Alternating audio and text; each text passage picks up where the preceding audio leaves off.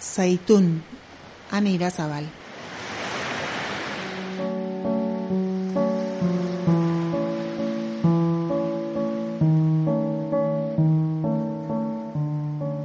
Margarito Martínez 2008ko udan ezagutu genuen.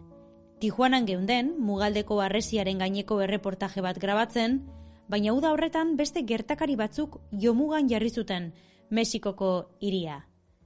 Joaquin Guzman El Chapo droga trafikatzailea atxilotu ostean, Tijuana kartelen arteko gerraren agertoki odoltsua bilakatu zen. Sikarioak elkarri tiroka ari ziren, alde bateko zeinbesteko droga kartelek iriaren kontrola eskuratu nahi zutelako. Behin Tijuanako agure batekin izketan aritu nintzen eta zera esan zidan.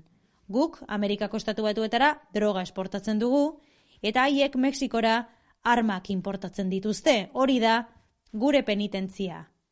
Ya se está haciendo muy común todo eso, de que ya era como, ah, un muertito más, sí, oh, que... Baina indarkeriaz jositako anabas horretan, pertsona zintzoak ere aurkitzen ziren, eta Margarito Martínez zen horietako bat. La ciudad de Tijuana está, tiene sus focos rojos, ¿no?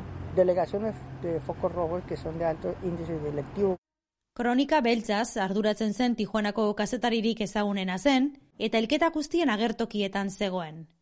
Tijuanan pasa genituen bost egunetan, hogei homizidio zenbatu genituen, eta Margarito beti zegoenan argazkiak ateratzen.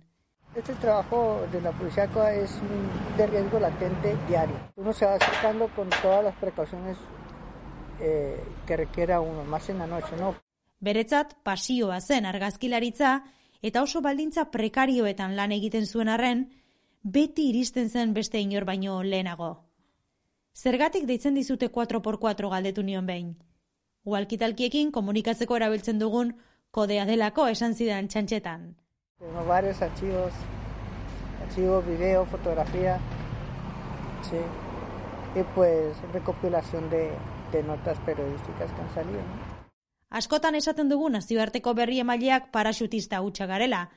Toki batera iristen gara, han egun batzuk pasatzen ditugu eta gero gure etxeko konfort eremura itzultzen gara.